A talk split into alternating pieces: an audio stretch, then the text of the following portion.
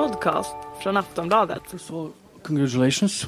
Thank you. Um, a few years ago, uh, tennis experts said that you're a great talent. Now Which you tennis showed expert? it. What? Which tennis expert? Well, a few of them. Okay. Yeah. Uh, now you showed it. Uh, what took you so long? Baby, be the class clown. I'll be the beauty queen in tears. It's a new art form showing people how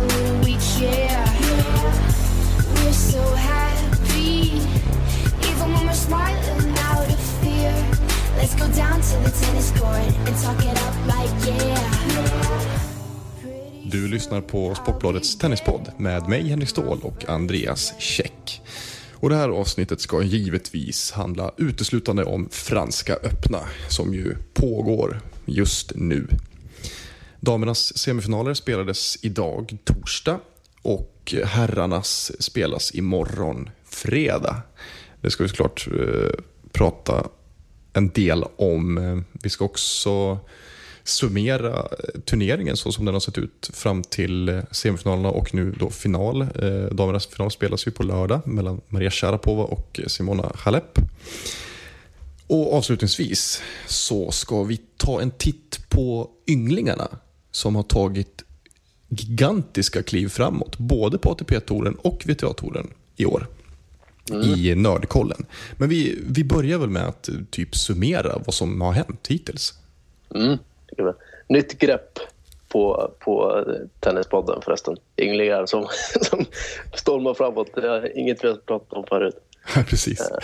Nej, men vad fan, nu, nu det finns det ju eh, anledning att göra det också. Nu finns det ju skäl att sum, alltså försöka få, ja, sum, ja, men summera om man ska säga så. Då. Eh, Ja. Prata, lite- ta, ett, ta ett lite större grepp på alla. Nu har det ju blivit lite så att vi har, att vi har eh, avvecklat de som är i ropet just de veckorna när vi har spelat in. Eh, men nu känns det som att det är läge att faktiskt ta en lite djupare titt på och framförallt så försöka analysera varför, eller hur det kommer sig att det är just i år som det är så många samtidigt. Som, Ja, eh, men absolut. Mm. Ja, vi har ju när det här spelas in på torsdag kväll precis sett eh, damernas semifinaler. Eh, vi får väl anledning att återkomma till det kanske. Vi, vi, vi kanske börjar med det som har hänt tidigare i turneringen. Vi, vi har inte spelat in en podcast på, på rätt länge. Vi fick ju ett ryck där och bara pumpade ut poddar. vi är lite grann i, i skuggan igen, men nu är vi tillbaka. Vi skulle ju ha spelat in, vi skulle ha gjort den i halvtid, eller så, så att säga. Vi skulle ha spelat in den i söndags och blickat framåt mot, liksom, inför andra veckan. Men det kom massa annat emellan som det så ofta gör. Ja, Så- det så nu- gör ju det ibland. Så eh, nu får det istället bli lite blicka på herrarnas semifinaler och såklart finalen på söndag men också damernas eh, final. Ja, visst. Ja, nej, jag vet inte var, jag ska, var vi ska börja. Det finns ju Ska ganska... vi, ska vi börja så att vi snackar Ja, lite om... eh, Förlåt, ska vi, bara, ska vi börja med att och, och snacka om största flopparna hittills? Mm, det kan vi göra. Eh, Serena Williams åkte ut i andra omgången mot Garabine Muguruza. Kändes ju på förhand helt otänkbart med tanke på att Muguruza kändes lite grann på, på dekis. Har inte presterat sen Australian Open. Vi sa ju det till och med skämtsamt i podden inför Ja. Franska öppna. Så sa vi så här, ja men Muguruza då, kan hon störa Williams? Nej. Nej. Ja, men det, det, det kunde hon ju. Och det är ju så att Serena kan ha sådana dagar. De, hon har dem inte lika ofta som exempelvis Lina och så. Men hon har ju sådana dagar ibland när hon förlorar mot sämre spelare. Det är ju alltid så att när Serena Williams förlorar en match så beror det ju till stor del på grund av att hon själv inte kommer upp i nivå. Men just den här gången så måste man ju ändå lyfta fram Muguruza. Alltså taktiskt genomfört till liksom punkt och pricka perfekt. Mm. Eh, liksom men det- all over the place. Längd i fan 99 procent av slagen sitter ju liksom en halv meter eh, innanför baslinjen Mm. och bara trycker Serena bak i banan hela tiden och, och slår, slog i den matchen ofta liksom mitt i banan.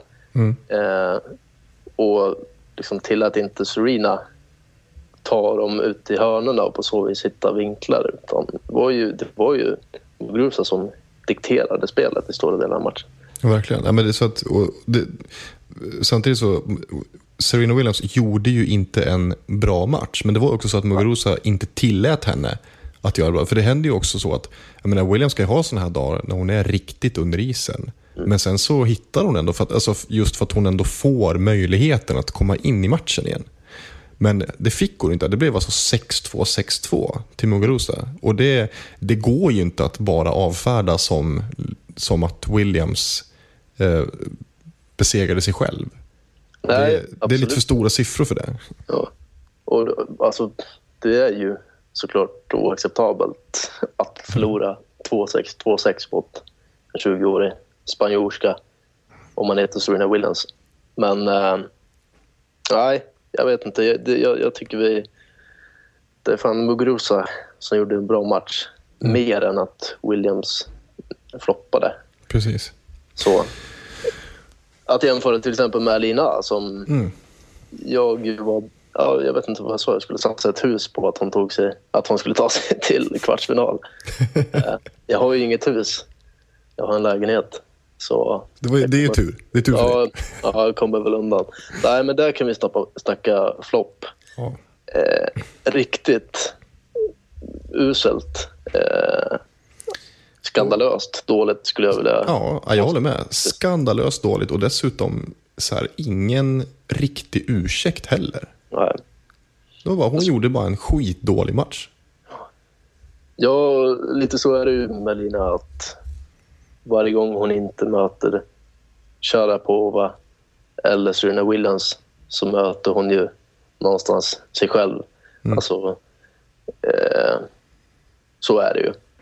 Men vad fan, hon förlorar liksom mot Mladenovic var hon rankad 80, 90, 100 något sånt. Precis.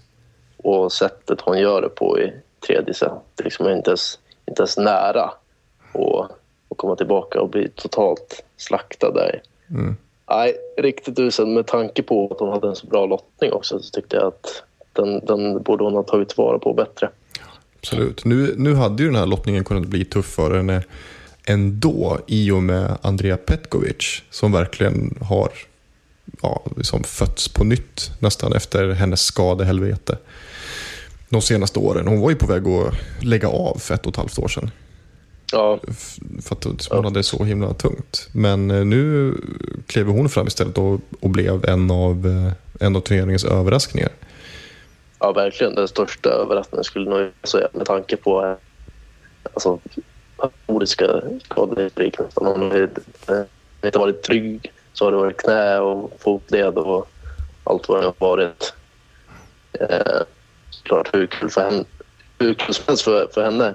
Sen så tror jag att hon hade varit ganska chanslös mot Lina.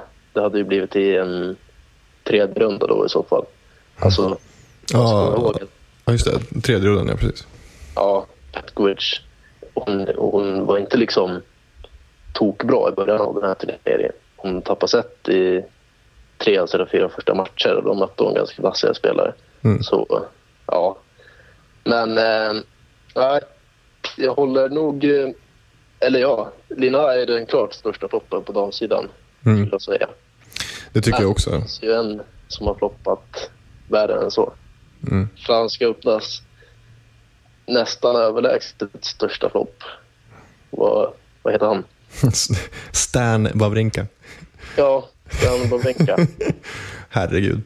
Ja, det var ju... Alltså, och nu får man väl, man, man får väl ge honom att, eller man ska inte ge honom det ens, man ska ge Guillermo Garcia Lopez att han är en så här, stabil spelare ändå. Det är inte en, är inte en jättekul spelare att få i sin första runda. Men samtidigt, som jag skrev också inför turneringen, att Alltså han är ju liksom inte skräckinjagande på något vis. Absolut, han, han är så här lite jobbig men han, ska ju inte kunna hota Wawrinka i första rundan i, en, i Franska öppna, tycker man.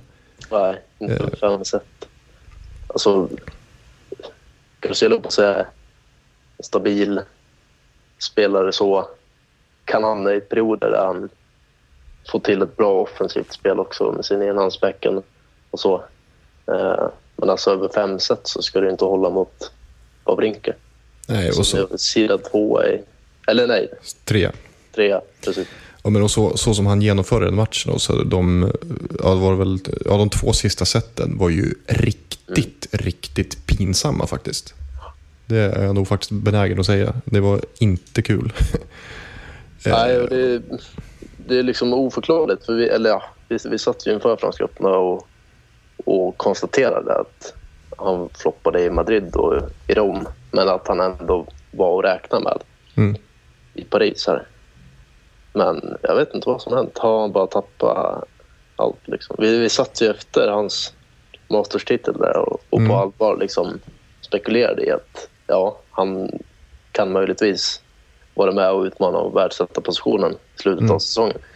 Så bra var han. Och han, han kändes liksom stabil. Att det här är inget han gör bara liksom, eh, en gång varje månad utan han kommer liksom prestera turnering efter turnering efter turnering. Och sen Mm. har han försvunnit helt eller tappat allt eller vad han har gjort. Jag vet inte. Ja, för man tänkte ju så här ändå att...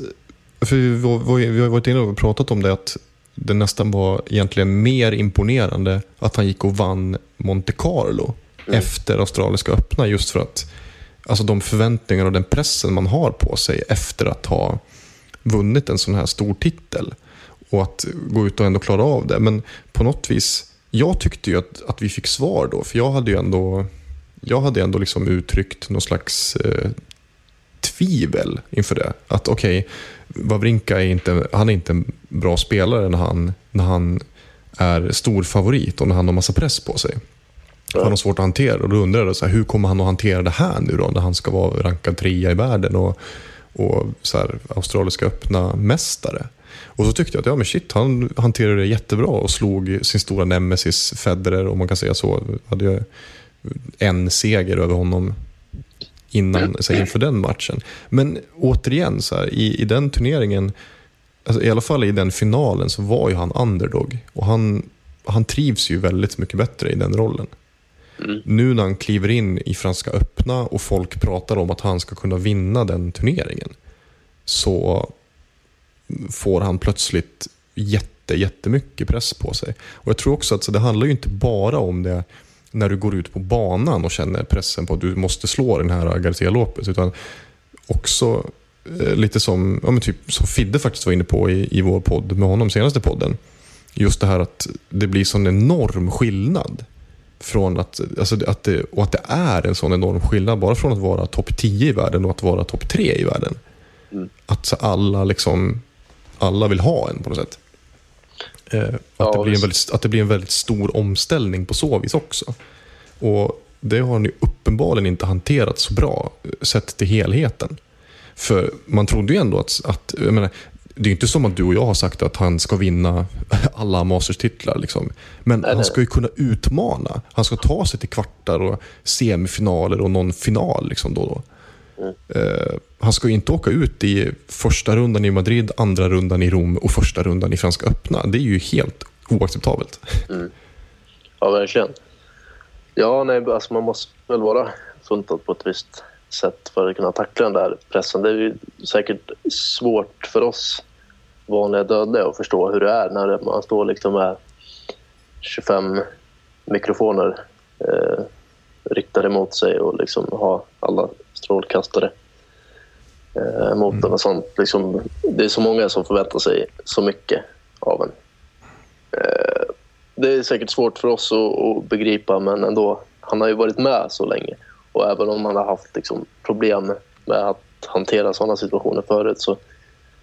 Ja, jag vet inte, det bara kändes som att det var en ny Stanislas, eller Stan, Wawrinka som vi fick se där i slutet av våren. Men ja, kanske inte. Nej, och det jobbiga nu också det är att eh, nu hägrar ju grässäsongen. Som ju inte är hans eh, liksom högtid. Så att säga. Nej, Nu, precis. Ja, men då går man kanske och vinner Wimbledon då bara nu när vi dömer ut honom. Precis. Han är, han är fortfarande oförutsägbar. Ja. Eh, man, eh, man får vila på hanen när det gäller honom. Så är det ju. Det, och det får man ju ofta erfara den hårda vägen. Ja, visst. Eh, Men förutom Wawrinka, har vi några stora floppar på här sidan? Det är ju lätt att plocka fram eller plocka ut Kei Nishikori som en flopp där. ja. Men han var ju inte fit for fight och han hade ju sagt det till japansk press. Han, vad jag såg så hade han inte, han sa inte det till liksom fransk eller, eller eh, liksom annan utländsk media på plats. Men till japansk press hade han sagt att om det inte vore för att det var Grand Slam hade han aldrig ställt upp. Så liksom ofitt var han. Ja. Jag, jag, jag tycker inte att det är att betrakta som en flopp. Han förlorade den matchen i tre raka set och det såg ju ganska dåligt ut. Ja. Så på så vis är det ju såklart ett, eh, ett nederlag, men det är absolut inget fiasko. Nej. Och att han inte kunde spela. Nej, jag håller med. Och det är också Martin Klijan som liksom prickade in formen just inför Franska öppna. Det är ju, det är ju ingen skam i att förlora mot honom. Nej, precis. Nej, annars tycker jag inte det har varit så jättemycket. Eller jo, Dim- Dimitrov tycker jag... Det, det tycker jag vi kan betrakta som ett minifiasko i alla fall. Alltså vem som helst kan ju förlora mot världens bästa servare som Ivo Karlovic fortfarande är i mina ögon. Eh, men ändå, att förlora i tre raka. Han, han kände sig också... Eller, nu ska vi inte döma ut honom bara för att han åkte upp till öppningsrundan i Franska öppna. Men han, han var på gång. Liksom. Han, var i, han var i form. Det fanns inga skador där att skylla på. Utan det var bara... Han var inte tillräckligt bra. Nej, han var ju... eh, Och det konstiga med den matchen, var- jag flaggade faktiskt lite grann för Karlovic, både inför turneringen men framförallt inför den matchen. För jag tyckte att så här, Karlovic eh, i den här formen och så som han presterade inför turneringen var ju så här, shit, han har ju aldrig varit så här bra på grus. Och det är klart att Karlovic är ju alltid jobbig att möta, även om man normalt, historiskt på grus så är det så här, ah, ja, det är en ganska given seger, men det är fortfarande inte kul att spela mot honom. Det är ganska jobbigt. Eh, och han, han är ju alltid liksom ett potentiellt hot på något sätt. Men, och när jag såg den här matchen så var det ju så att Dimitrov var ju egentligen inte så himla dålig. Alltså han spelade ganska bra. Förutom ett gäng game där han, där han liksom bara somnade. Mm. Och så men var det funkar några- inte riktigt om man Nej. möter Nej, spelare som var och, och, det som i var, princip omöjlig att bryta. och det som var som flopp, det var just att han inte höjde sig efter första set. Mm. Då, var det så här, då tänkte man att okej, han torskade, han var lite sömnig liksom så. Men eh, nu så rycker han väl upp sig. Men så var det samma sak. Han var stabil i ett gäng servegame och så, ja, så somnade han igen. Och så räckte det för, för torsk. Liksom. Mm. Ehm, och det tycker man ju, jag menar, han gick till kvartsfinal i Australiska öppna. Ehm, han har redan vunnit två titlar i år. Är också en av de här som, på frammarsch som vi ska prata om lite senare i programmet. Det, det, ja, alltså, ingen dunderflopp kanske med tanke på just vilken bra form Karlovic var i och faktiskt vilken grymt bra match han gjorde. Mm. Det kan man inte ta ifrån honom. Han gjorde en Ja. riktigt bra match. Men ändå, raka set, Karlovic på grus. Nej, det är ju en plump i protokollet. Så det är det ju. Ja, ja jag, jag tycker nog att det är ett fiasko. Alltså. Det måste jag nog säga. För att eh, Dimitrov är ju en spelare som... eh, jag- Jag skulle gissa att han betraktar sig själv som en, en topp 10-spelare. Att det är där han tycker att han hör hemma. Mm. Och Då finns det liksom inga ursäkter. Då får Karlovic vara hur bra slag som helst. Och, och, och allt sånt. Men du, du kan fan inte förlora tre raka set på grus mot en sån spelare.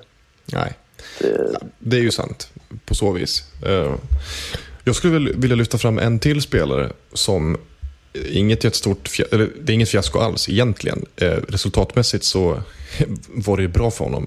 Jack Sock som gick till tredje rundan, eller snarare så här, som halkade, till, halkade in i tredje rundan på ett bananskal. ja, För- för, att- Almagro i första matchen. Han mötte Almagro i första matchen, men Ja. Almagro avbröt eh, i första set. Han var ju inte alls i, i spelbart skick. Liksom. Sock ledde med 5-0 i första set och då kastade Almagro in handduken.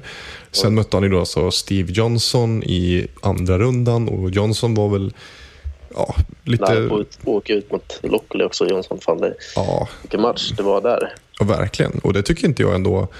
Eh, alltså, han sa ju det också efteråt, Johnson, att så här, han har aldrig varit med om något liknande. Att spela mot en hemmaspelare i, i Franska öppna. Liksom. De var ju helt galna. Jag fattar verkligen att han hamnade i, i bakvattnet. Han låg ju under med, med 2-0 i set. Eh, Ja, och då, och då, då, Och 5-2 i, ja, ja, precis. Ja, precis. att det var. Yes, jo men det var det nog. För att, eh, ja precis, eh, Lokoli eh, servade för, för matchen där.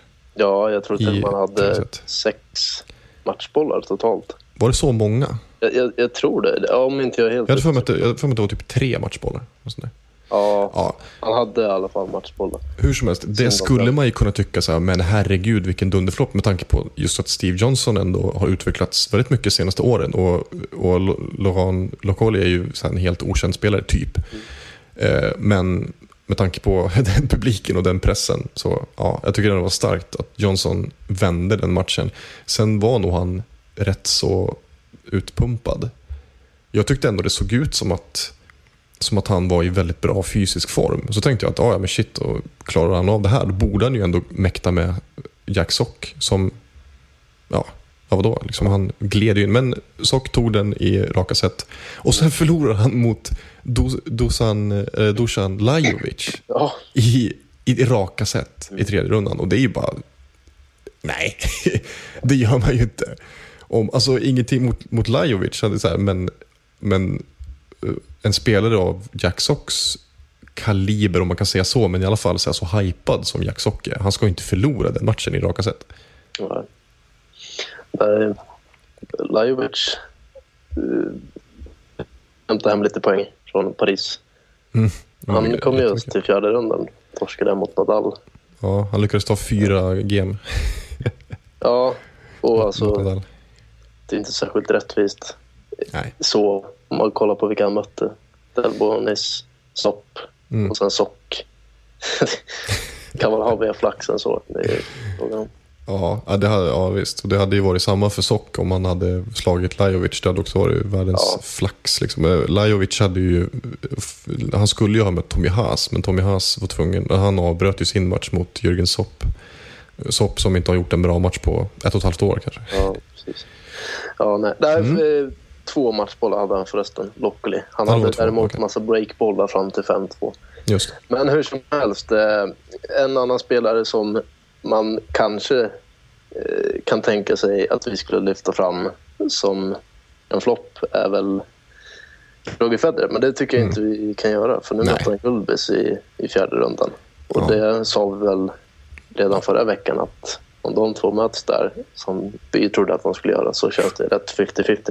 Ja, verkligen. Ja, men det, var, det var ju Gulbis vi lyfte fram där som främsta hotet. Och, eh, när man, så, jag var ju visserligen lite skeptisk i och med att Gulbis eh, vann i Nice veckan innan.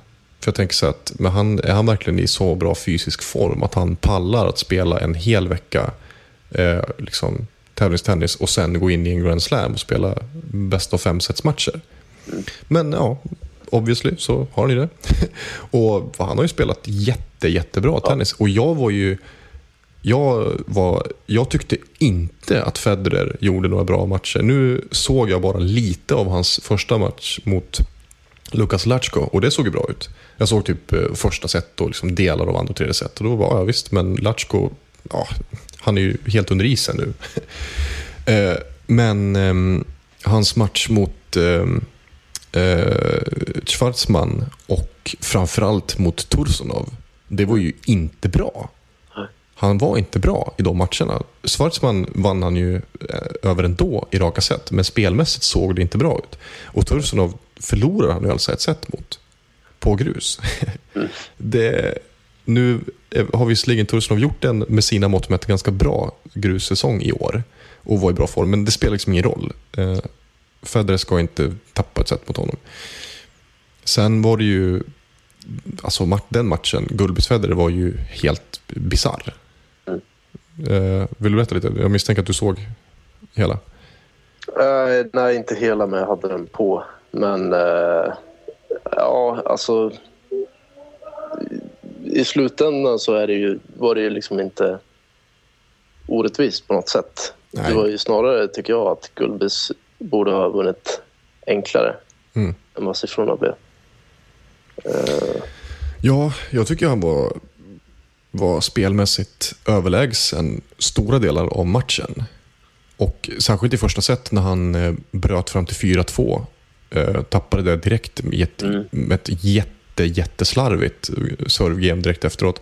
Men sen också hade 5-3 i tiebreak och ändå förlorade setet. Och då var det så att det var verkligen han som förlorade setet. För att han gav bort så extremt mycket poäng på, på dumma misstag. Det var verkligen att så här, Federer vann liksom inte poängen utan Gulbis gav bort dem. Eh, så jag noterade det var väl vissa som tyckte liksom, ah, men shit, Federer borde ha haft 2-0 i set där. För Federer servade ju för andra set vid 5-3. Mm. Men å Eh, andra sidan, Å andra sidan så, hade, som ett första set. så ja, 1-1 kändes ju ändå fullt rimligt. Liksom.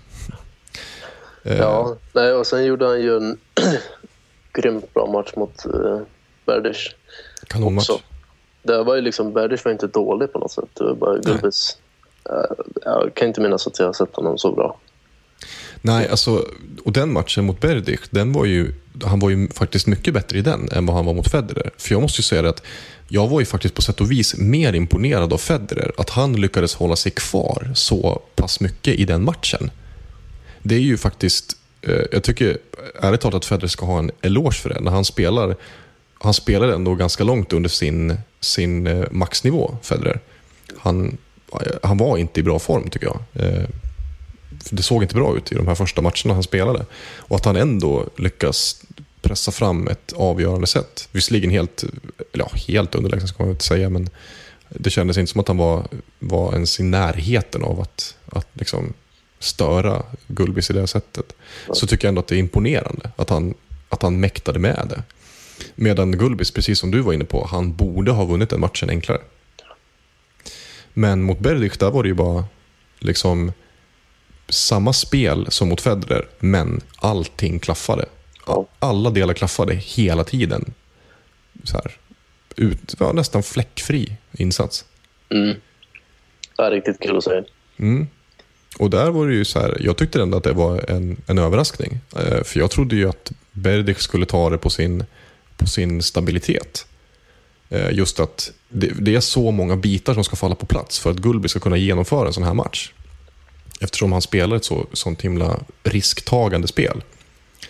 Eh, det krävs liksom att han servar jättestabilt, att han, att han är liksom extremt solid i sitt försvarsarbete och i sitt offensiva spel, att han inte bjuder på för, många enkla misstag och så vidare. Det är extremt mycket som ska klaffa när han spelar på det sättet.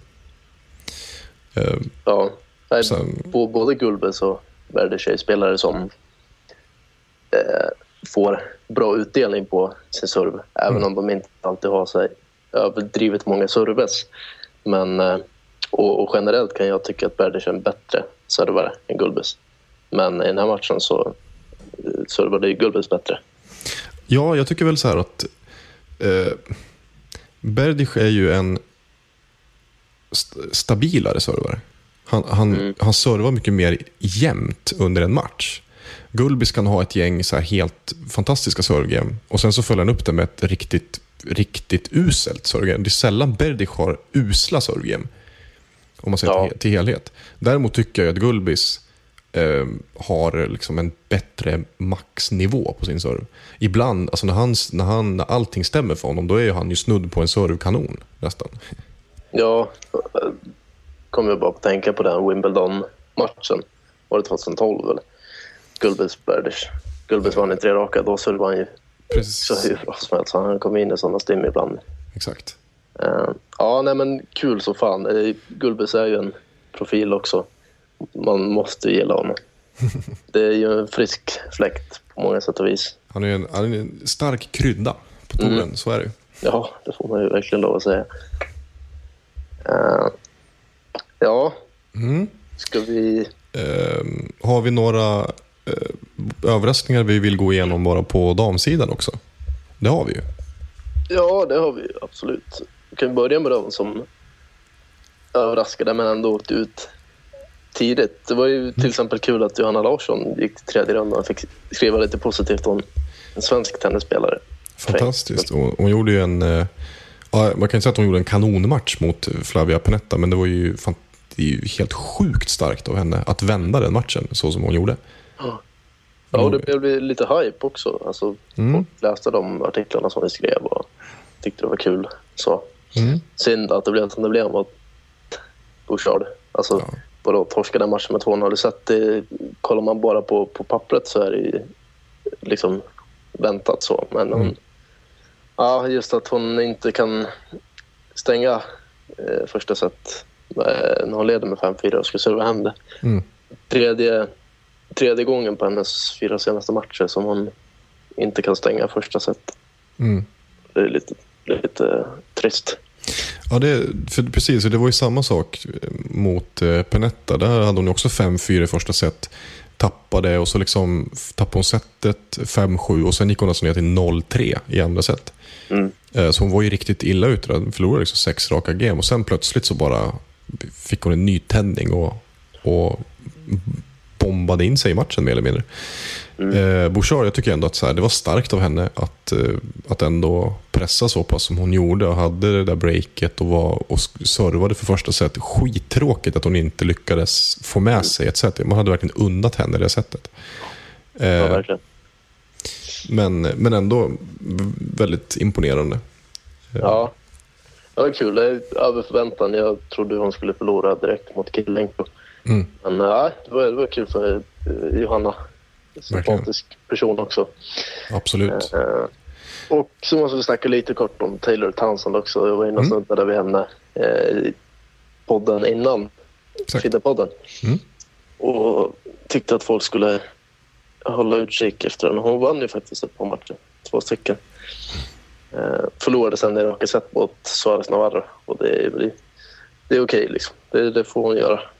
Men eh, hon gjorde lite väsen av sig. Och eh, som sagt, lite av revansch mot eh, alla som tvivlat på henne. Det är ju fortfarande många som gör det.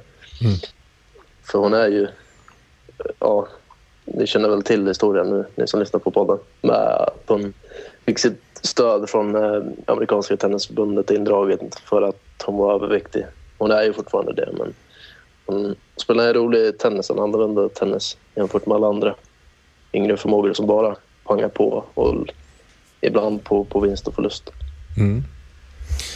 Verkligen. Jag skulle vilja lyfta, lyfta fram två spe, till spelare lite kort. Eh, och eh, Det första är ju Ayla Tomiljanovic, kroaten, Mm. som eh, slog eh, Radvanska Ja, i raka set i tredje rundan. Jätte, jättebra match gjorde hon där. Gjorde en bra turnering överhuvudtaget. Eh, sen var hon ju, nej, hon var för svag mot eh, Carla Suarez Navarro, men det, ja, det är helt okej på grus. För Navarro är väldigt bra på grus. Men Mm. herregud, hon liksom pressade ju Bouchard till tre set. Eh, väldigt tight match där. Bouchard vann första set i tiebreak. Eh, Navarro vann andra 6-2 och sen vann Bouchard sista 7-5. Hade ett break mot sig också i tredje. Var det så? ja så kan det ha varit. Kan också, minns inte exakt. Det Man, man ser så många matcher så man blandar lite ihop Mm. allt det Ja. Ehm, Och sen också Samantha Stosher. Mm. Nu är ju hon, hon brukar ju, brukar ju prestera eh, i Franska öppna, i alla fall historiskt. Nu har hon ju liksom gått lite kräftgång eh, senaste ja, ett och ett halvt året eller sådär. Men hon gjorde ju faktiskt en riktigt, riktigt bra eh, turnering.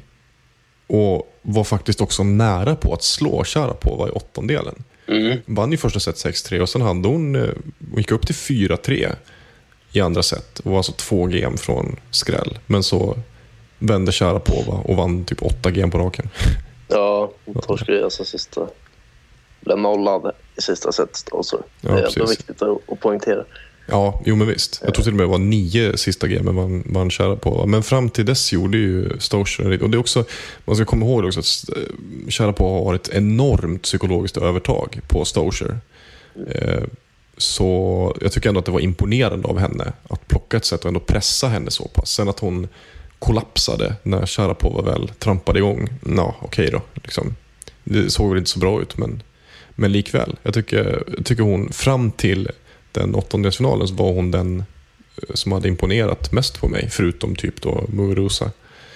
Ja, den har vi inte pratat så mycket om. Men vi pratar ju mer om Williams nederlag. Men Mm.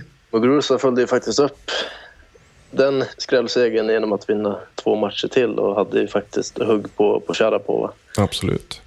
Så ja, det känns som lite på gång igen.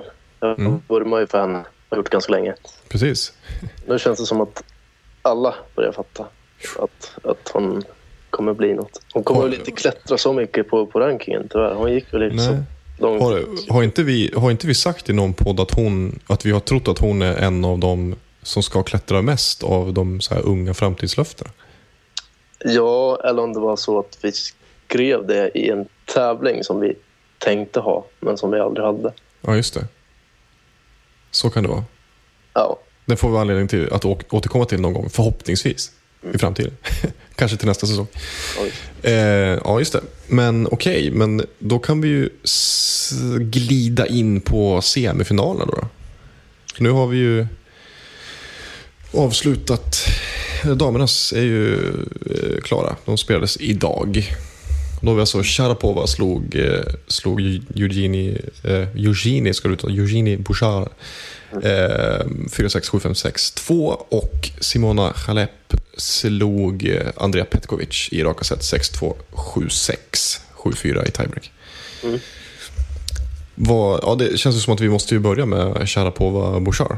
Riktigt intressant match. Ja, verkligen. Eh, på alla sätt och vis. Det är ju liksom Sharapova mot den som om ett par år kommer bli liksom den nya Shara, Sharapova på så vis att hon, är, hon kommer vara liksom den stora vandrande reklampelaren. Så. Mm. Ett bra ansikte utåt för, för VTA. Hon har liksom bra personlighet och, och liksom star quality så. Gini Bouchard, 20 år gammal. Mm. Eh, men framförallt så är hon ju en jävligt duktig spelare och det visade hon ju i första set och även en bit i andra också. Men eh, om det blir tre sets matcher mot Maria Sharapova så är det inte så lätt att vinna dem. Nej, hon, det här var ju alltså Sharapovas 19 ra, var det så? Jag tror det. rätt? Ja, 19 raka eh, seger i tre sets matcher på grus. Mm. Så att eh, det är absolut inte lätt. Och då var det också, ska ju, måste ju påpeka det att eh, Mugaru, eller förlåt, eh, Bouchard halkade alltså efter. Hon låg under med, med 5-2 i andra set. Men jobbade sig ändå i, i kapp. Ja, visst var det 5-2 hon låg under med? Ja, nu är det Ja. igen. Det var det väl. Eh, hon jobbade sig i kapp i alla fall. Eh, till 5-5 och sen så blev hon breakad ytterligare en gång vid, vid, eh, vid 6-5. Mm. Och sen så rann det ju iväg i andra set. Var nu kör på sagt med 6-2. Men hon gjorde ju en fantastisk inledning på den här matchen. Hon hade så här, som du var inne på innan vi, innan vi började spela in här. Som att hon hade sån extrem längd på sina slag hela tiden. Och sen också de här, så här ra, hennes raka backhand som hon gick för väldigt ofta. Likaså rak forehand. Eh, väldigt svåra slag som hon satte så här, gång på gång. Så fort Sharapova tappade lite längd i sina slag så var hon fram och högg direkt som en kobra. Liksom. Och det är, ju, det är ju så man ganska mycket måste spela mot, mot Sharapova. Om man ska försöka matcha henne på ett offensivt plan, om man ska försöka ta kommandot och diktera spelet. Då gäller det ju verkligen att ligga på henne hela tiden. Mm. Och det är ju extremt svårt. Det är ju liksom utmattande både så att är fysiskt men också mentalt. Att, Ja, det är det som är så svårt för att man, man får ju inte ta ut sig fysiskt tidigt i en match mot Sharapova för det kommer tillbaka mot en. Eh, så därför är det ganska viktigt att få utdelning på sin serv också. Att bara få några enkla poäng på serven. Jag hörde i gamesetten Mats att Wilander tyckte att eh, Gini inte har så jättebra serv och att eh, första serven finns det mycket utrymme till förbättring. Det håller jag med om, men jag tycker Mm. att hon i den här matchen servade bättre än vad jag har sett henne göra på länge. Mm. Man luras väl kanske lite av också att Sharapova, det är ju ganska... Ibland kan det vara ganska lätt att serva bra mot henne. För att i vissa lägen så är det typ bara att försöka få bollen så nära in på kroppen som möjligt så hinner inte hon flytta på sig. Så, åker hon dit på det. Liksom. Men, men, men jag håller med, hon har inte en, en alltså serven är ju inte hennes, hennes främsta tillgång, absolut inte. Men, Nej, nej, precis. Men, men då är det så här att om, om du slår för lösa servar, även om det är första eller andra servar, och Mm. på så, så är det stek. Liksom, för då smackar hon in dem i, i, i kryssen. Mm. Och, så problemet för Bouchard i den här matchen var att hon var tvungen att slå hårda första servar. Mm. Och eh, då måste man liksom gå ner i, i säkerhet. Så Mm. sätter man inte lika många.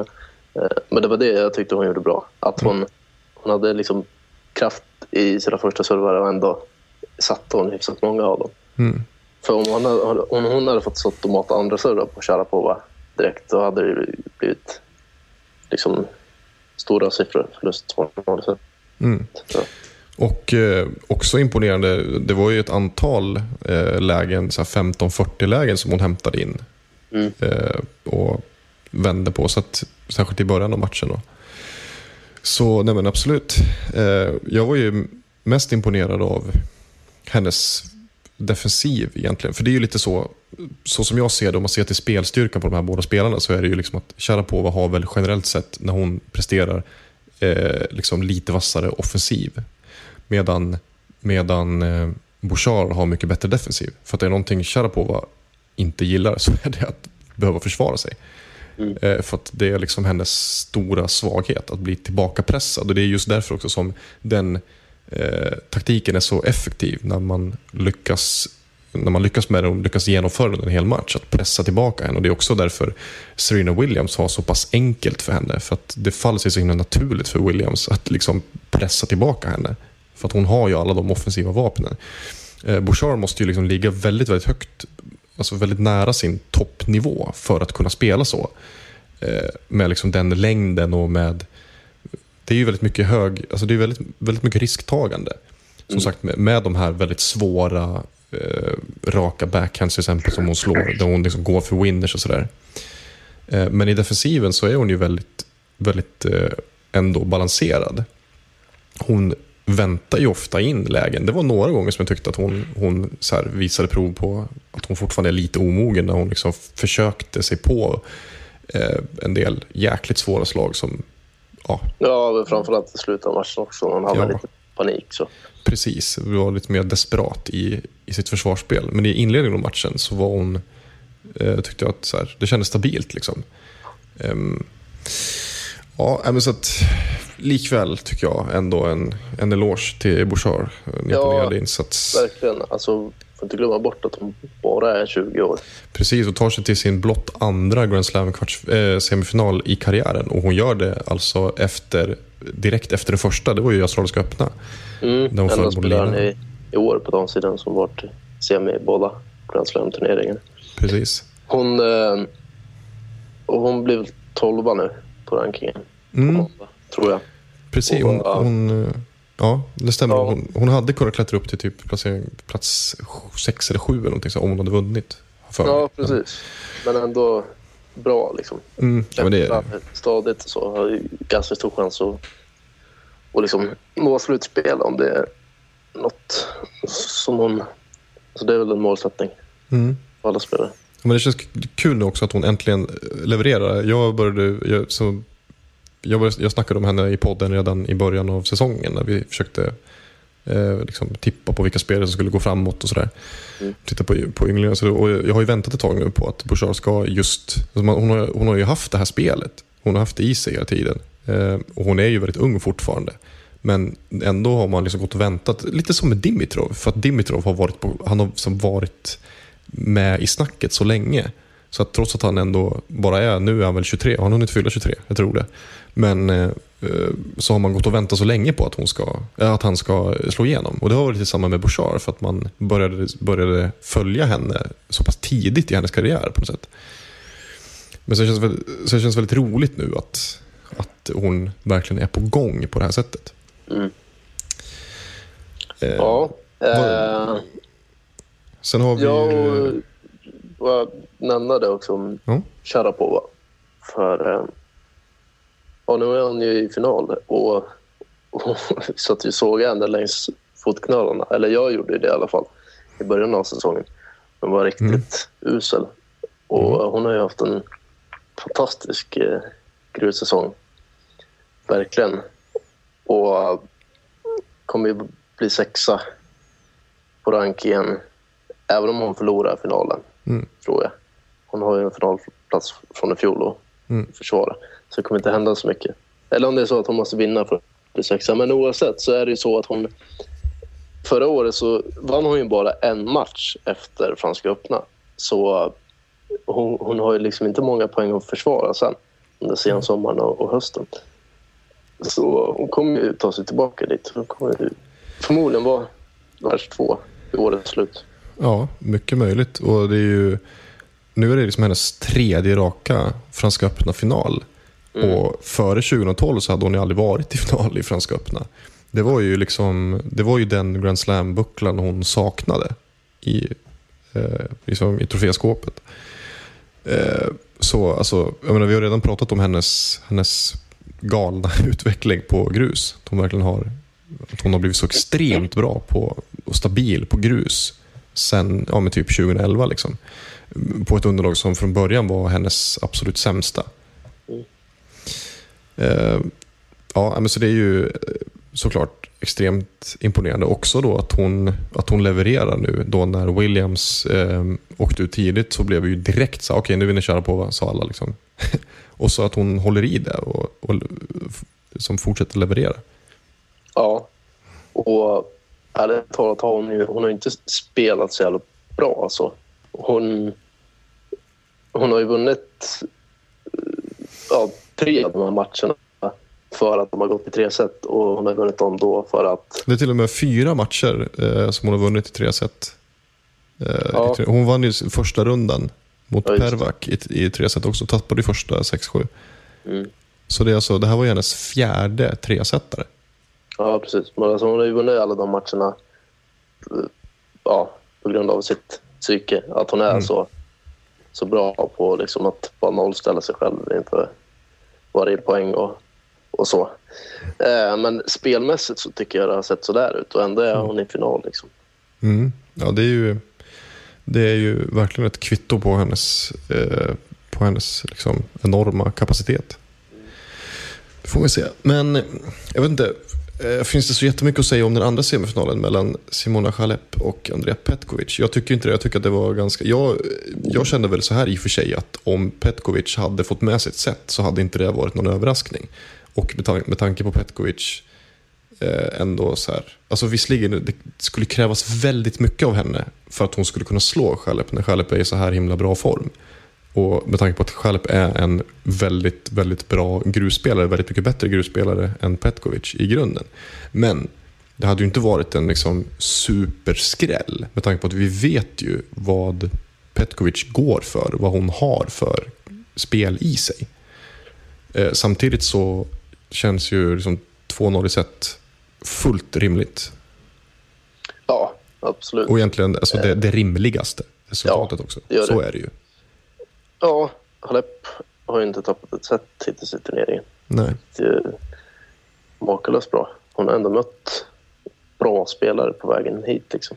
Kuznetsova, Stevens och så vidare.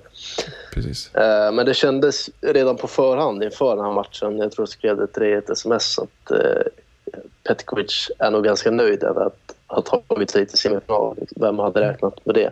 Mm. Ja, Det hade hon inte kunnat tro själv förmodligen. Och Mm. tillbaka i topp 20 igen för första gången på två år. Mm. Så ja, hon, hon var nog ganska nöjd eh, redan på, på förhand inför den här matchen. Mm. Jo, men precis. Och det känns ju som att ju, alltså, jag är ju jätte, jätte imponerad av henne. Och det är så roligt nu för att jag tippade ju henne som slutsegrare inför den här turneringen. Eh, både i podden och i bloggen. Och när jag gjorde det så kändes det som ett så här väldigt vågat, en, en väldigt vågad tippning. Så här, oh shit, nu så här, lever man farligt där. Oj, oj, man måste ju chansa lite, eller man måste våga lite grann. Och nu så är hon i final och det har känts helt självklart för att hon har presterat så bra, himla bra tennis. Jag tycker att hon har varit läskigt solid. Hon är så här extremt trygg och extremt självsäker. Liksom snudd på så här Djokovic slash Nadal-vibbar om man ser till hennes attityd på banan. Så inte spelmässigt, men liksom hennes attityd. Det har varit så himla, himla solklart hela tiden. Det har liksom inte varit... Hon har inte, hon har inte sviktat någon gång. Nej. Ehm, och så, så ser det ju ofta ut med till exempel Djokovic när han liksom har bestämt sig att "Nej, men nu ska jag gå fram här. Eh, i liksom, och bara så här sveper alla, alla eh, tidiga rundor. Det har ni ju gjort nu också. Det är egentligen bara, det är bara Marin Cilic som har tagit set mot eh, Djokovic. Han har ju varit ruggigt stabil också. Men det är jag ju mest imponerad av när det gäller Halep. Hennes enorma stabilitet. Mm. Ja, det är imponerande. Jag tror däremot att det är just det som gör att jag har svårt att ta henne till mig så. Jag får aldrig riktigt någon eh, grepp för henne så. Hon är ju rätt blyg slash tillbakadragen så off court vad det verkar. Eller om hon bara inte riktigt kan engelska så bra. Hon, hon sätter inget avtryck så på touren. Mer än att hon går långt i turneringar och gör det för att hon är jävligt stabil. Så. Jag gillar ju när det händer lite saker. Det får gärna fara och flänga lite hit och dit och stå för något utbrott här och där och sånt. Ja, Jag tycker det är lite mer spännande men jag avskyr ju inte Chalep på något sätt. Jag, jag, tycker, jag har ju liksom jättestor respekt för henne och så. Och jag tycker att det är kul också att hon är i final Slam för första gången för det är hon ju värd. Mm. Ja, men jag, jag tycker ju väldigt mycket om henne och det är ju just för att, alltså jag håller ju med om att hon är ju en ganska, hon framstår ju som ganska slätstruken på något sätt. Och det har ju också att göra med att hon är inte så himla expressiv på banan heller. Eh, men, eh, men däremot så imponeras jag ju av hennes, hennes liksom kunnande. Hon är ju en väldigt smart spelare. Eh, och jag vurmar ju lite för de, den typen av spelare som Andy Murray och, och Radwanska och liksom, eh, sådana såna spelare. Eh, också att hon är så himla solid på alla, på alla underlag. Hon, är verkligen, så hon bemästrar alla underlag. Hon bemästrar verkligen sin, sin tennis så himla eh, bra. Och det är väldigt kul att se när hon eh, liksom ser hennes taktiska avvägningar ofta. Eh, sen har jag ju, det är lite kul också för att jag har ju så här, eh, pekat ut henne, jag tror det var, ja, men det var ju så här 2012, så såg jag, gjorde hon ett par bra matcher. Och då kände jag så här, men shit, det finns någonting hos henne. Och så eh, skrev jag något om det och sen tippade att hon skulle vinna några matcher som hon torskade rätt så stort. Och så liksom var det lite så här hånfullt, bara när Så tänkte jag, hopp, ja, ja, ja, men då var jag väl helt fel ute liksom. Eh, och att nu då, så här, när, man typ, när man hade släppt henne, och bara, ja, ja, men det är så här, okej, visst hon har väl något, men det kommer väl inte bli något. Så, där. Ehm, så bara från ingenstans, plötsligt så hopp, hoppsan, så här, nu blommar hon ut. Eh, så det känns väldigt kul. Mm. Vad tror du? då? Eh, jag tror ju att...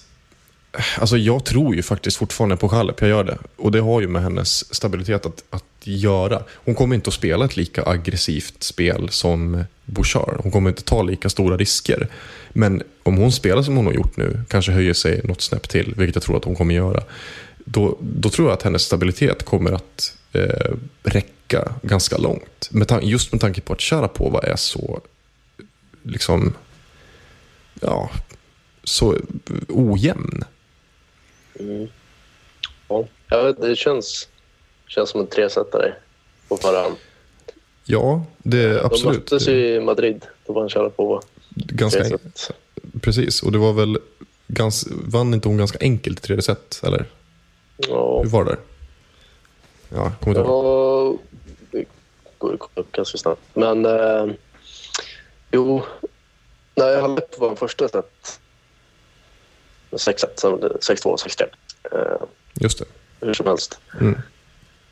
Eh, jag tror nog på att köra på eh, ändå. Just för att hon brukar ju vinna de matcherna mot eh, sådana speltyper som Chalep.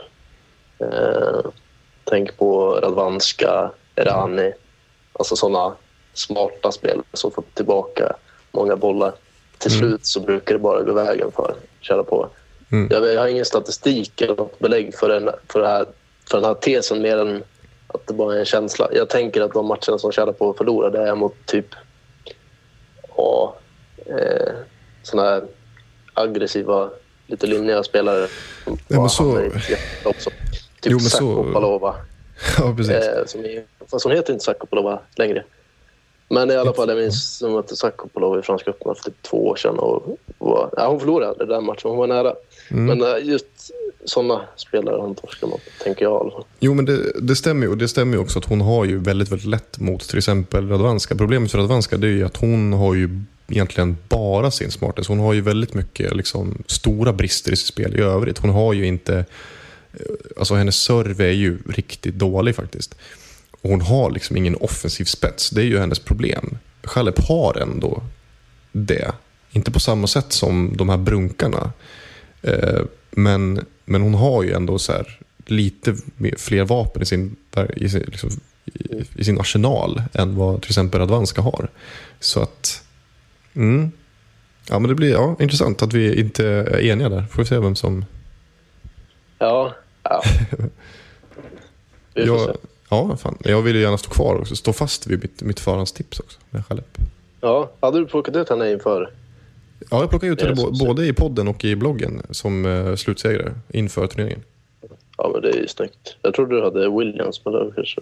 Nej, jag tog ut Williams i final. Okej. Eh, och sen så tog jag liksom Chalep som seger och då la jag in brasklappen där liksom att en, en på ett teoretiskt plan är ju, ser det ju helt galet ut om Chalep skulle slå Serena Williams i final. Men det var mer bara att så här, jag trodde inte på Williams eh, när jag hade suttit och liksom analyserat lottningen ordentligt och så här, sett rapp- första rapporterna om henne och hennes träning. Och att så här, jag, det så här, smög in en väldigt stor osäkerhet i mig kring henne. Så var det mer så att ja, men jag trodde inte på Williams i den här turneringen när, när, när det väl kom till kritan. Men man ska ju också få poängtera när man sitter med en sån här lottning och ska liksom tippa på ett teoretiskt plan. Det är ju skitsvårt att säga bara, nej men Williams hon åker nog ut mot Muguruza i andra rundan. Det är ju som, Ja, för Ja, att på, på pappret ska hon inte göra det. Och det är ju lite så, det är lite det som blir så paradoxen med att sitta och försöka tippa sådana här, alltså på förhand på så teoretiskt plan. ja nej, men eh, snyggt Men, eh, ändå. ja. Oavsett hur det går, tycker jag. Absolut. Det, ja, ja, ja, det var fin. Pricka in. Änt- Äntligen efter alla jävla floppar nu. Ja, det är nog mest jag som har skulle jag tro. Ja, jag tror det var lika goda kålsupar de senaste Ja. veckorna. Kanske. Men eh, om vi ska ta och dra lite eh, semifinaler och, och sen också ja, final. Om man, ska, om man vill blicka så långt på här sidan. Vi har ju nu alltså Nadal mot Murray. Murray slog ju Monfils i sin kvart. Nadal slog Ferrer. Tappade första set mot Ferrer. Eh, och sen vann han ju han vann ju fyra set. Tredje och fjärde set var ju liksom total kölhalning. Ja, för där gick ut efteråt och sa att han typ tankade lite grann. För att han förstod att han ändå skulle förlora matchen. Det är lite olikt för er. Väldigt oroligt. Jag trodde inte ens att han, säga så efteråt. jag trodde inte ens att han kunde tanka. Att han typ Nej. inte vet hur man gör. Men ja. Eh, Monfils gjorde ju ett riktigt uselt avgörande set. Torskade liksom 0-6 i avgörande. Det blev 6-4, 6-1, 4-6, 1-6. Ja, det 6-0 till Murray. Eh, men det var, så, ja, kul, underhållande match. Det är ju ofta det. Monfils, Murray, två taktiskt kunniga spelare. Eh, en väldigt lynnig spelare. Ja, nej, men det är kul med Nadal Murray. Mm. De mötte ju varandra i, i Rom, men innan dess så var det ju ett tag sedan. Vi har inte haft så många duster dem emellan på senare Nej. år. Nej, det var ju, deras match i Rom var ju första sen 2011 om jag inte missminner mig. Mm. Typ Ja. Tokyo-finalen 2011 vann ju Murray och sen var det ju då Rom, då vann ju Nadal i tre set. Och nu har vi en repris på 2011 års semifinal i Franska öppna. Ja, vad fan var de mötte varandra 2011? Mm. Nadal vann ju den gången i raka set. Ja, jag skulle tro att det blir något liknande nu, kanske 3-1 eller så. Jag tror det blir en hyfsat välspelad match. Så, Mm. Men Murray är ju i bra form. Han har ju liksom tystat alla tvivlare. Jag är en av de tvivlarna. Absolut, och det var, ju, det var jag med. Jag är jätteimponerad av Murray. Framförallt så alltså att han krånglade sig förbi Kohlschreiber som han gjorde. Det var en tuff match för honom. Eh, och det var ju inte ett dugg liksom, överraskande. Det, jag tror både du och jag eh, flaggade för Kohlschreiber inför turneringen. Eh, tror jag, i podden. Jag minns att jag gjorde det i, Ja, i gjorde det. bloggen. Ja. Eh, Kohlschreiber är liksom en, han är en väldigt duktig grusspelare och knepig för, för Murray. Framförallt just på grus. Men eh, sen så trodde jag ju att, att han skulle få mycket större problem mot, eh, mot Fernando Velasco. Ja, det För. Och det var ju för att jag trodde att Murray liksom inte hade fysiken. Han var trött liksom i, i, alltså på kvällen där, var det söndags, eh, lördagskväll, så var han ju liksom trött mot Kohlschreiber. Eh, och det var ju verkligen så här, nästan, man ska inte säga att han, att han liksom blev saved by the bell, men det gynnade ju honom att få avsluta matchen dagen efter. Men med tanke på den maratonmatchen, att den var tvungen att avslutas dagen efter, så här, då trodde jag ju att han typ inte skulle orka riktigt. Och Frasco som hade sett jättebra ut. Ändå. Mm, absolut. Jag trodde på Verdasco inför den matchen Mm. faktiskt. Eh, nej, men eh, ja, han har imponerat den gode Murray. Han har, så, Eh, han har sett så jäkla taggad ut också. ja, Väldigt, väldigt taggad. Så att han, eh, framförallt tyckte jag, Monfils, man såg det när han, gick, när han klev ut på plan, eller på banan, att så här, shit, han, det här ska han vinna bara. Eh, ja, men, ja men nej, jag, men det, det, det blir ju Nadal, Djokovic. Ja. Det har vi vetat om hela tiden. Alltså, men visst, kan- jag, jag tror Gulbis kan göra en bra match mot Djokovic också, men han kommer inte vinna den. Det kan jag aldrig tänka mig. Nej, ehm, nej men precis. Alltså det är ju, om man säger så här, det är ju lite svårare att pressa tillbaka Djokovic på det sättet som Gulbis gjorde mot Berdych. Det kommer han ju typ inte kunna göra. Framförallt, han kommer inte kunna göra det över tid. Det kommer inte gå. Eh, för att så som det är med Berdych, det är ju liksom att eh, när Berdych hamnar så på efterkälken som han gjorde nu och när han hamnar, när man liksom så bara placerar honom i baksätet, då blir han stressad. Och när han blir stressad så, så missar han. Och när han missar så blir han mer stressad. Så Berdych är ju generellt sett dålig på att gräva sig ur sådana här gropar om man väl hamnar där. Eh, så det var ju på något sätt, jag tror ju liksom att första set var väldigt avgörande för Gulbis. Att han, fick, att han vann det så, så pass liksom överlägset. Så rann det bara iväg. Eh, men så, det funkar ju inte så mot Djokovic. Nej, precis. Framförallt inte nu när Djokovic har sett ut som en rund miljon. Mm. Han, eh, man får lite de här vibbarna av 2010. Eh, upplagan av... Eh, 2011 tänker du? Ja, 2011. Förlåt. Eh, att, att han liksom själv känner sig själv ja, som... Att han känner att han är kungen liksom. Och Mm. oslagbar. Det bara känns så nu för tiden.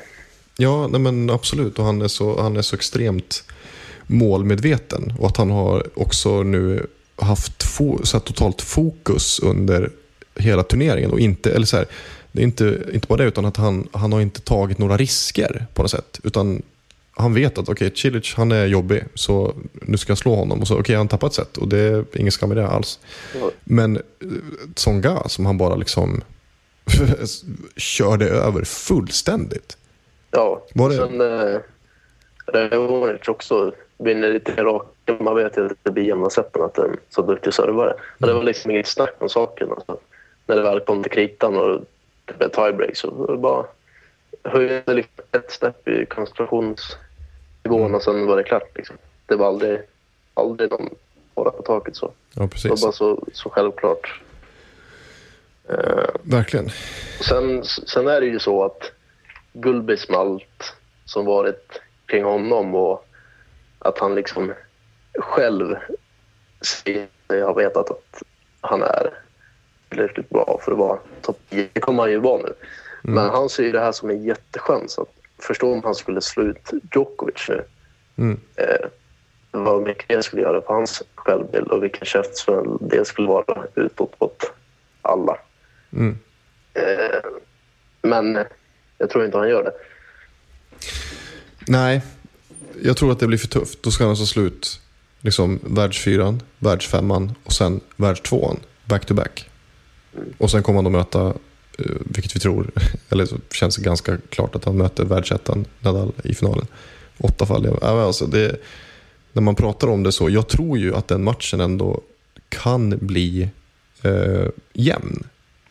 För det har ju Gulbis vapnen för. Ehm, och vi vet ju också att Djokovic kan ju ha problem. Eh, om vi ser till typ när han möter Del Potro i många matcher. Spelare som, som har de här beståndsdelarna. En så väldigt tung och bra serv och ett väldigt tungt eh, grundspel. Eh, kan ju han ju ha problem på samma sätt som att han har problem mot servkanoner. Så att det är klart att om, om Gulbis presterar på samma nivå som mot Berlik så kan det ju absolut bli ganska jämnt. Men det är klart att Djokovic ska vinna den matchen. Ja. Så, så är det ju bara. Med tanke på den kanonformen han är i. Eh, och det känns som att så sa vi ju 2011 inför matchen mot Federer också. Och då, fick han, då åkte han på spö i fyra set. Men det har ju runnit så mycket vatten under broarna sedan dess. Och han, det känns som att Djokovic han har liksom lärt sig av alla sina misstag. På, alltså han har ju hela tiden bara kommit närmare och närmare eh, den här titeln som han ju verkligen trånar efter. 2011 var det semifinalen mot Federer. 2012 var det final Nadal. 2013 var han jätte, jättenära på att slå Nadal i semifinalen. Hade han gjort det så hade han ju vunnit titeln. Liksom. Ja, Så nu- finalen. Ja, verkligen. Och nu känns det som att så här, nu har han ju alla de här erfarenheterna i bagaget. Så att nu... Ja, jag vet inte, det känns som att det ska ju liksom inte hända igen. Nej, och det, det känns ju som att det är liksom lite grann nu eller aldrig. Eller man vet ju liksom inte. Nästa år så kanske Nadal har någon skada eller så. Men han har aldrig haft en bättre chans att vinna Franska öppna än nu. Och det Precis. känns som att han har bestämt sig. Jag hade honom som favorit på förhand. Jag tror att Mm. du kanske gjorde det eller? Jo, jag höll med om det. Jag har ju satt eh, 55-45 Ja. mellan Djokovic och Nadal. Mm. Eh, och det känns ju som att det faktiskt har liksom befästs på något vis. Nadal har ju sett grymt bra ut, ska vi säga. Riktigt, riktigt bra ut. Men det finns ju också det här orosmolnet kring hans rygg. Han har sagt att han har haft ont i liksom öppningsrundorna och han har inte servat sådär jättebra. Generellt. Så det, ja. Nej, men det, det, det, jag, ja, jag står ju fast där vid, vid Djokovic fortfarande. Ja, jag med. Men du, apropå Gulbis. Nu är Gulbis visserligen 25, så han är knappast en yngling längre. Nej, eh, fortfarande visserligen ett framtidslöfte kan man säga. Han är liksom, ja, han har väl två år fram till sin peak kanske. Eh, om inte det här är hans peak nu, att han, han sen försvinner från radarn igen. Det vet man ju aldrig med honom. Men eh, tittar vi på damsidan så har vi ju Halep 22, eh, Bouchard 20, Raonic som var framme i sin eh, första kvartsfinal i karriären eh, nu, eh, 23. Menar, både Halep och, och Halep är ju framme i sin första final. Hon var ju framme i sin första semifinal, visst var det så? Också i Franska öppna. Bouchard framme i sin andra. Väldigt många unga spelare, jo det är det jag vill komma fram till. Nu ska vi glida in på nördkollen. Väldigt många unga spelare har ju tagit ordentliga kliv framåt på både WTA-touren och ATP-touren i år. Mm. Eh, Vi har ju redan pratat ganska mycket i, i tidigare poddar om Dimitrov, Nishikori, eh, Raonic. Vi har pratat om Bouchard, vi har pratat om Muguruza, vi har pratat om Sloane Stevens som visserligen är liksom lite på dekis nu om man säger så. Eh, men och också Dominic Thiem, Jiri Vesely, Nick Kyrgios. Det finns ju massor av spelare nu plötsligt som fortfarande är unga och som går väldigt, väldigt starkt framåt. Varför just i år? Frågar du mig det? Ja. Eller jag bara sl- slänger ut en retorisk fråga. Ja. Eh, jag vet inte om jag har något jättebra svar på det egentligen. Men eh, tidigare så har det alltid känts som att det är lättare att göra något på VTA-touren som 18-åring. Mm. Eh, det finns liksom inte den stabiliteten mellan 20 och 50 på rankingen eh, som det gör på ATP-touren. Men det är väl Det är också framförallt mycket- den trenden jag tycker mig se att de här yngre spelarna faktiskt gör väsen av sig även på, på eh, ATP-touren Mm. på riktigt. Det är det som jag ja, tyckte var mest intressant. Ja, för VTA-touren ska vi säga också, det är ju lättare att klättra på rankingen eftersom, eftersom VTA distribuerar mycket mer poäng än ATP. Så att går du långt i några liksom, lite större turneringar så får du väldigt mycket poäng och då kan du alltså ganska snabbt gå, gå långt framåt. Um, så att, jo, men och sen har vi också, det känns ju, det som är intressant om man ser till ATP, sen då att det liksom började ju komma igång eh, så smått förra året. För att Raonic har ju varit i ropet sedan ja, typ 2010-2011. Dimitrov har, har det snackats om skitlänge, liksom, då är han ändå bara 23. Um, ehm, Nishikori har också hängt med rätt länge, tog, vann väl sin första titel 2008. Och det var väl samma år som han pressade Nadal i, i Queens har jag för mig. När Nadal sa att ja, men Nishikori kommer bli en topp 10-spelare i framtiden. Eh, men att det, så att det började röra på sig redan förra året och, och liksom nu så, så skördar vi frukterna av det. För att till exempel Raonic, han stod ju lite still på något sätt. Han så slog sig in på, på topp 10 till slut. Så innan det så låg han och skvalpade där. Tog ju väldigt stora kliv framåt under 2012. Men eh, Ja, det var väl egentligen i samband med tränarbytet när han tog in eh, Lubicic Mm. i sitt stall som hans utveckling stagnerade lite. Men eh, nu har det visat sig att det på sikt blev ganska bra. Liksom. Ja, men det, det, det blir ju lätt så också. Mm. Att, eh, det, det blir en liten tillbakagång kan det bli. Ehm, I början av ett sånt här eh, samarbete. Och det är väl lite det som man kan tycka är, är så dumt med Dimitrov. Att han inte alltid har tålamodet. Så om inte han får med sig resultaten. Så nu, vet, nu verkar det väl som att det var andra skiljaktigheter mellan honom och, och Good to Great. Men det känns som att Good to Great hade kunnat göra väldigt mycket mer med Dimitrov på sikt. Men istället så, så liksom spolade han det och gick till ehm, Roger Rashid. Precis. Och det föll väldigt väl ut tidigt så har han fortsatt. Men det känns inte som att så här, det skulle inte krävas jättemånga floppar för att Dimitrov skulle typ eh, dumpa honom också. Nej, tror jag inte. Så är det absolut. Eh, tidigt uttåg i Wimbledon så kan det mycket väl vara. Mm. Tack och godnatt för Roger Rashid. Han verkar ha ganska kort tålamod så. Mm. Ja, jag vet inte vad, vad vi ska minna ut i här i den här ve- veckans nördkoll. Vi har ju inga fasta så här, eh, punkter så i programmet mer än att bara egentligen prata fritt om de här unga spelarna. Mm. Jag skulle bara vilja säga det är intressant just med Raonic och Ljubicic. För Ljubicic, han gick ut, jag tror att det var, 20, jo, men det var 2012, eh, någon gång under så här, våren eller sommaren 2012. Och så sa han så här att enda chansen för de unga spelarna, om de ska kunna slå sig in så högt och utmana eh, de alltså absoluta toppspelarna, så måste de spela mycket offensivare, de måste slå mycket hårdare och de måste utmana toppspelarna med styrka, råstyrka. Och han blev totalt utskrattad. Eh, jag kände likadant. Jag tänkte så här, men vad snackar han om? Liksom? Hur kan han tro att det ska funka när liksom, toppspelarna, Nadal, eh, Nadal, Djokovic och eh, Murray har liksom defensiven som, som så, ja, en av de absolut främsta tillgångarna. Och jag menar, Federer har också, alltså han är, jag menar, jämför du med, med väldigt, väldigt många andra spelare så har han också en jäkligt tät defensiv- Det är liksom en av grundbultarna i hans spel också, även om det inte är på samma nivå. Så att, och då tänkte man så här, men vad, vad, vad pratar han om? Liksom? Det, är, det, är ju, det är ju helt galet. Men så har han nu två år senare fått helt rätt. För det är ju precis så de här unga spelarna har eh, tacklat den här uppgiften. Det är ju liksom att spela, att försöka liksom hitta ett utpräglat, väldigt offensivt aggressivt spel. Och där är det ju till exempel Dominic Thiem är väl, står väl liksom i, och typ såklart Milos Raonic. Eh, står väl på barrikaderna där om man säger så. Men även Nishikori har ju framförallt fokuserat just på sitt offensiva spel. För Mm. att kunna matcha. Och det tycker jag är ganska intressant ändå.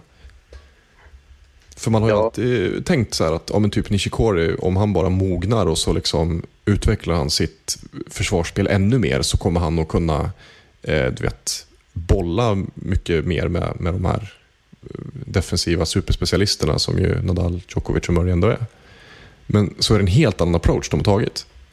Mm. Och det tycker jag är väldigt, jag tycker det är väldigt fascinerande. För vi har ju likaså så här, Jiri Vesely är också en väldigt offensiv spelare. Eh, Jack Sock, supertransatlantisk i liksom full fokus på hård serve och, och hårda grundslag, framförallt forehand. Kackig backhand, precis som alla andra amerikanska spelare. Ja. Ja, men eh, ja, jo, det, det håller jag med om. Sen så eh, tycker jag att det är viktigt med eh, attityden. Att ha rätt attityd och faktiskt förstå att man är en i gänget. Låter, lät ganska töntigt att säga så. Men bara som ett exempel idag när Ginny Bouchard möter Maria Sharapova som hon liksom satt och kollade på tv på när hon var ung och såg upp till och hade som förebild. Och så nu möter hon henne i en, i en Grand Slam, liksom. semifinal.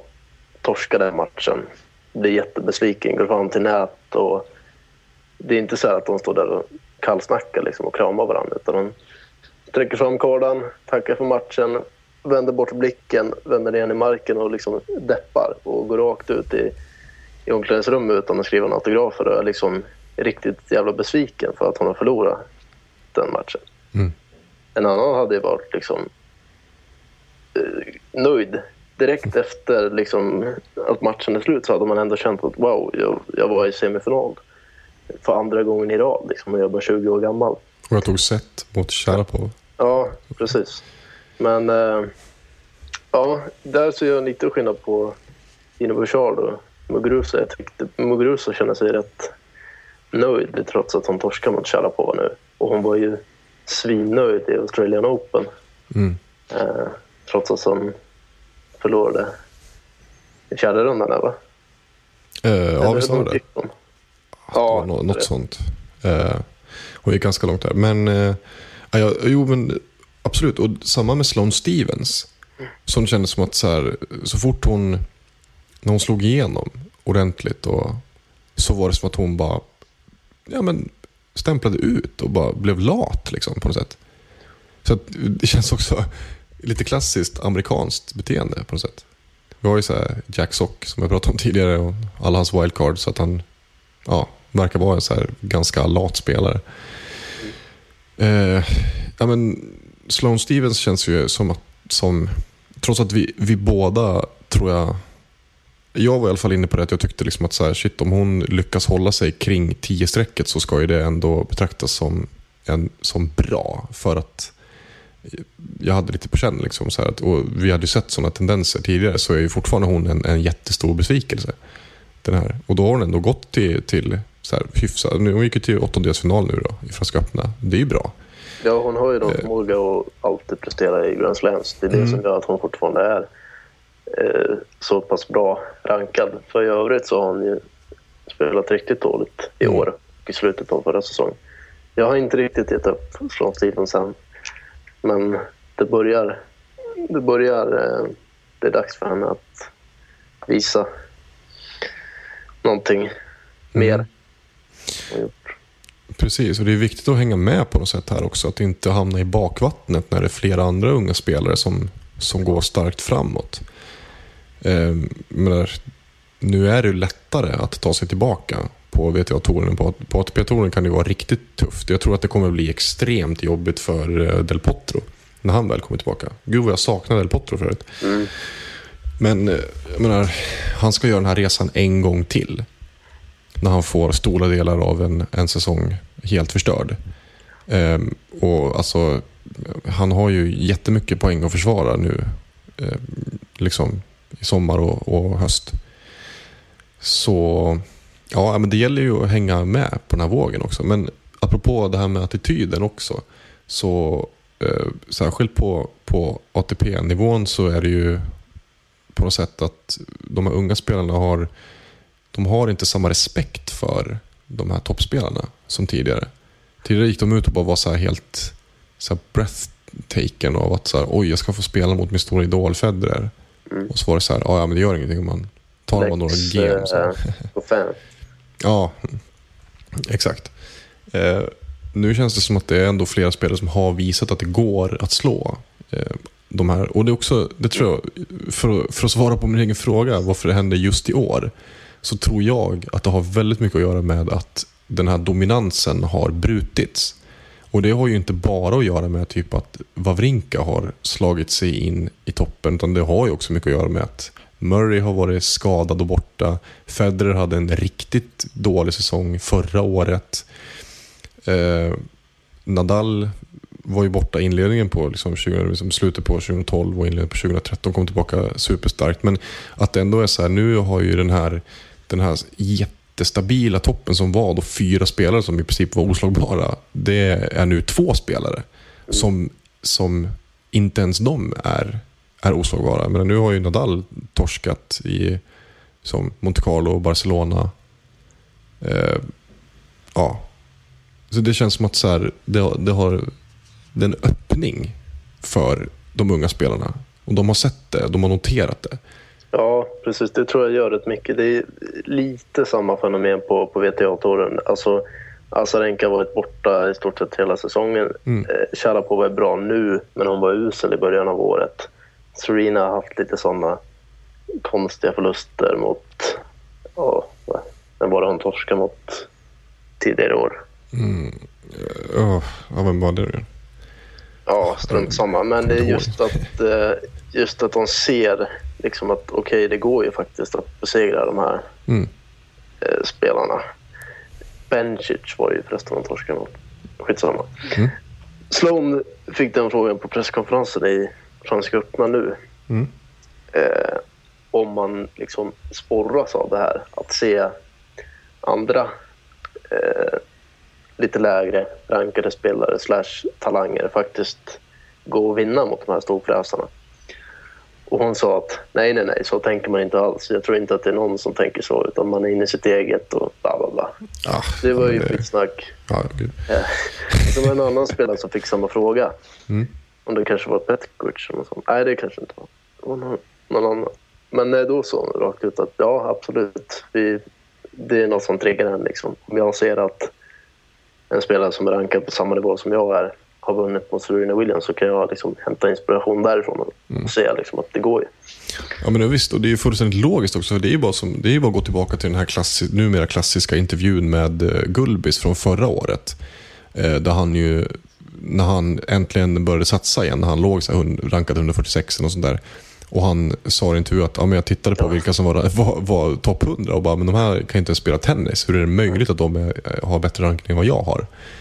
Eh, och så här, det är ju väldigt arrogant att säga så, men samtidigt så det är ju så du behöver tänka. Liksom. Ja. Du måste ju se på en spelare, men hallå, jag, är- jag är för fan bättre än vad den där spelar. Det är klart att jag också ska slå Serena Williams i så fall. Du vet, så. Eh, Men det, självklart tänker man så, och man ska ju tänka så. Ja, ja. Ja, herregud. Ja.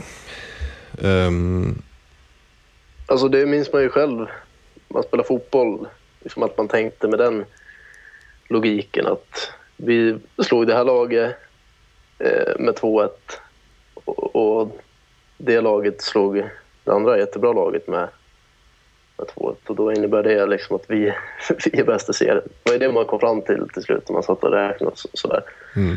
Det vet man ju att alla gör. Jo men absolut, och det är samma även alltså, om man ser till en individuell prestation.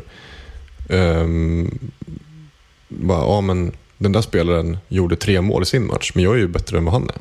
Ja. Så då ska, det borde jag också kunna göra det. Eh, typ så. Och det blir ju ännu mer i tennis där man är helt ensam och utlämnad åt sig själv.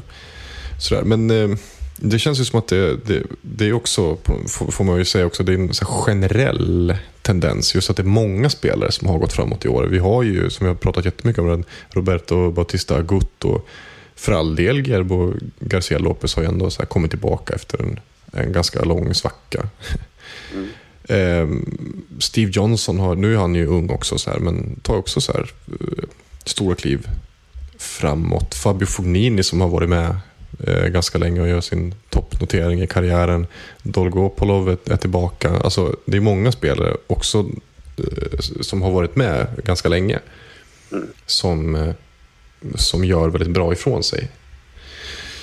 Plötsligt nu och, och utmanar. Så alltså det är ju något generellt också.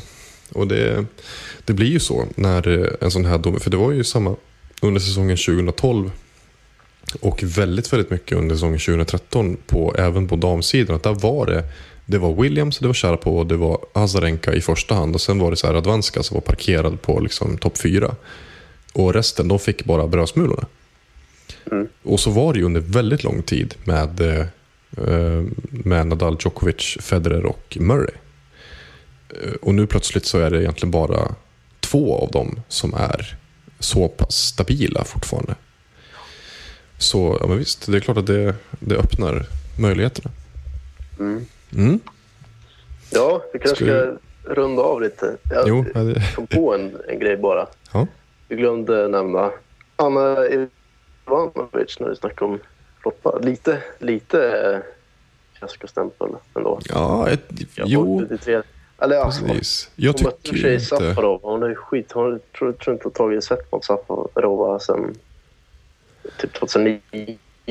Något sånt. Hon Plus att den, den matchen ja. spelades på säsonglängden också. Mm. Som sägs vara snabbare. Är några som har sagt det i alla fall. Ja, men det, Ivanovic gillar inte den banan heller. Nej. Men jag tycker ändå att det just för att jag har rätt höga tankar om henne just nu. Mm. Jag hade hoppats på att hon skulle gå långt här i Paris. Precis. Ja, jag, jag måste ju säga att jag, ehm, jag lyckades inte ehm, så här, notera Safarova inför. Jag bara, "Ah, men hon, hon ryker väl. Hon kan ju lika gärna ryka tidigt. Så. Hon är inte speciellt stabil spelare. Men det är klart att man borde ha pekat ut henne som ett hot. För det var hon ju. Eh, Och det är hon ju alltid mot Ivanovic. Ivanovic har Ja. jättesvårt för henne. Så, anledning. Och det är ju så här psykologiskt egentligen. Eh, Men ehm, Ja, alltså jag, jag vet inte. Jag tycker nog inte att det var en sån himla stor flopp ändå. Jag menar, Ivanovic gjorde inte en dålig match där heller. Det är bara att, som sagt, hon har så sjukt svårt för Safarov. Ja, jo. Ja, jag blev lite besviken. Jag, hade, jag ville att hon skulle gå längre. Men, men. Ja men det, det, det kan jag förstå. Ja, men vad fan. Men det här blev ett riktigt eh, matigt avsnitt. Ja, Tillbaka på banan igen. det är Som satt och kollade på damgolf här. Ja, slut. fan vad härligt. Ja, Ja, men det är ju... Det är, det är ju blev efter, efter att Franska öppnade slut. precis. Får väl eh, sy ihop säcken. Det blir väl kanske på måndag eller sådär. Någon gång i början på nästa vecka i alla fall. Så syr vi ihop Franska öppna och blickar framåt mot grässäsongen. Får vi göra då. Ja, det Fantastiskt. låter bra. Ja, verkligen. Ja, men det är väl kul att göra så här matigt, så här stark comeback efter magsjukor och Fidde Rosengren eh, intervjuer och grejer. Men eh, ja, du har lyssnat på Sportbladets tennispodd med mig Henrik Ståhl och Andreas Käck. Ansvarig utgivare är Jan Helin. Hej då!